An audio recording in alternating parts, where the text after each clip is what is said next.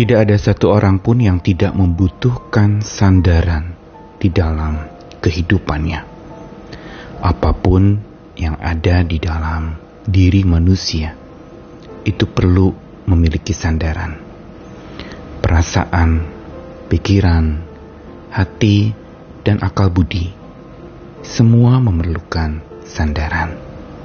Karena butuhnya manusia akan sandaran, menegaskan betapa rapuhnya dia. Tanpa sandaran, dia tidak dapat tegak. Tanpa sandaran, dia bahkan tidak dapat membangun kesadaran yang benar. Namun, kesadaran kita yang terbangun oleh kebersandaran kita itu adalah dua hal yang terkait erat. Apa yang kita sadari dalam hidup kita itu terbentuk berdasarkan apa yang kita sandari. Karena kebersandaran kita lah sebenarnya penggerak untuk kesadaran kita bertumbuh. Karena itu betapa pentingnya untuk kita bisa menentukan apa yang menjadi sandaran hidup kita atau siapa yang menjadi sandaran hidup kita. Pilihan sandaran ini menentukan pulihnya kesadaran kita. Saya Nikolas Kurniawan kembali menemani di dalam Sabda Tuhan. Hari ini dari dua bagian. Sabda Tuhan pertama-tama dari Amsal pasal 3 ayat 5 sampai 6. Saya bacakan dari Alkitab versi Firman Allah yang hidup. Percayakanlah dirimu sepenuhnya kepada Tuhan dan jangan sekali-kali bersandar pada akalmu. Dalam segala perbuatanmu utamakanlah Allah maka ia akan menuntun engkau dan memakotai usaha-usahamu dengan keberhasilan. Lalu satu ayat lagi dari kitab Yeremia pasal 17 ayat 5 sampai 8 juga dibacakan dari Alkitab versi firman Allah yang hidup. Tuhan berfirman, terkutuklah orang yang mengandalkan manusia yang fana dan yang hatinya berpaling dari Allah. Ia seperti semak yang kurus dan kerdil di padang gurun tanpa harapan untuk masa depan. Ia tinggal di padang-padang garam di gurun tandus yang tak berpenghuni.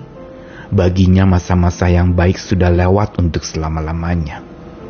Tetapi berbahagialah orang yang mengandalkan Tuhan dan yang berharap kepadanya. Ia seperti pohon yang tumbuh di tepi sungai, yang akarnya mencapai air, pohon yang tidak takut panas, dan tidak khawatir akan musim kering yang panjang. Daun-daunnya tetap hijau dan ia terus-menerus menghasilkan buah yang baik.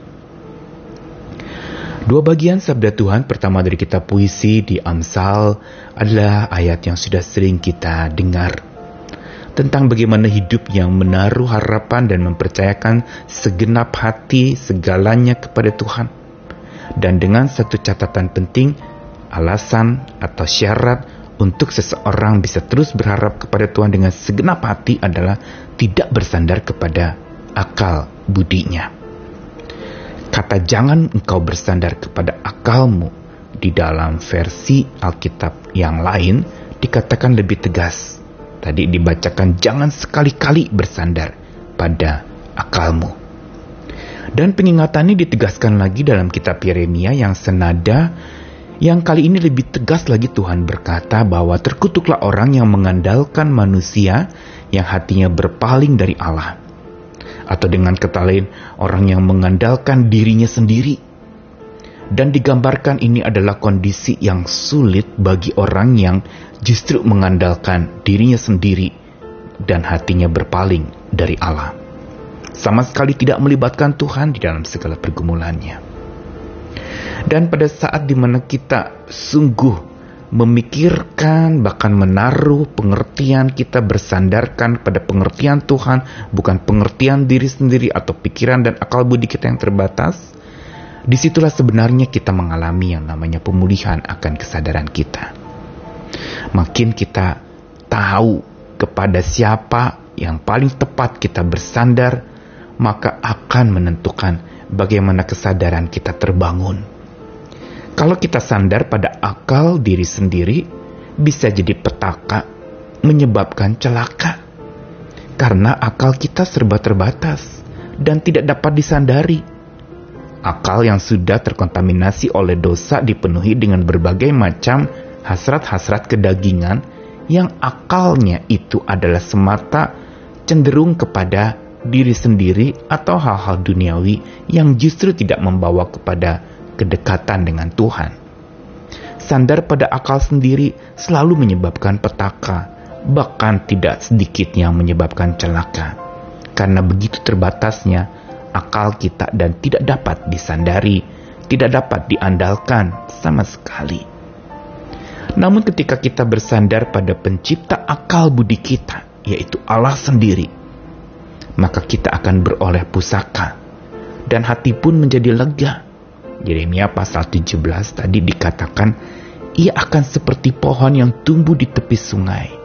Orang yang mengandalkan Tuhan dan menaruh pengharapan kepada Tuhan akan seperti pohon yang tumbuh di tepi sungai yang berarti dia dekat dengan sumber hidupnya dan dia akan selalu tumbuh tidak akan kering oleh panas terik karena ada air sumber makanannya di dalam tanah dekat dia tumbuh dan juga dia tidak khawatir akan musim kering yang panjang selalu daunnya hijau dan bahkan dikatakan produktif terus-menerus menghasilkan buah yang baik Syaratnya adalah sandar pada pencipta akal budi kita, bukan sandar pada akal budi kita.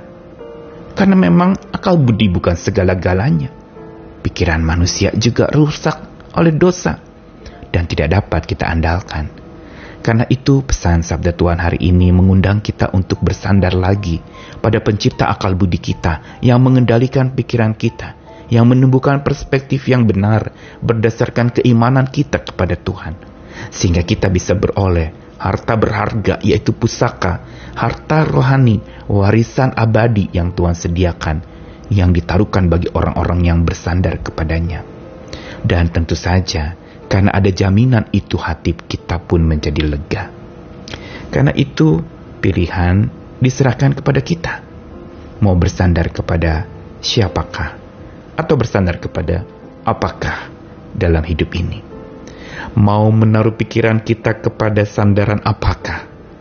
Kalau kita bersandar kepada Tuhan, pikiran kita akan mengantar kita kepada sebuah kesadaran yang baru akan siapa diri kita, siapa Tuhan kita, dan siapa yang memegang pimpinan dalam hidup kita. Tuhan mengasihi, mari kita kembali bersandar lagi kepada Tuhan. Dia adalah tangan yang tak kelihatan tetapi kokoh dan kuat untuk menopang kita. Bersandarlah selalu kepadanya agar makin kita sadar betapa kita sungguh butuh pertolongannya dan betapa kita hanya bisa kuat oleh kekuatannya. Amin.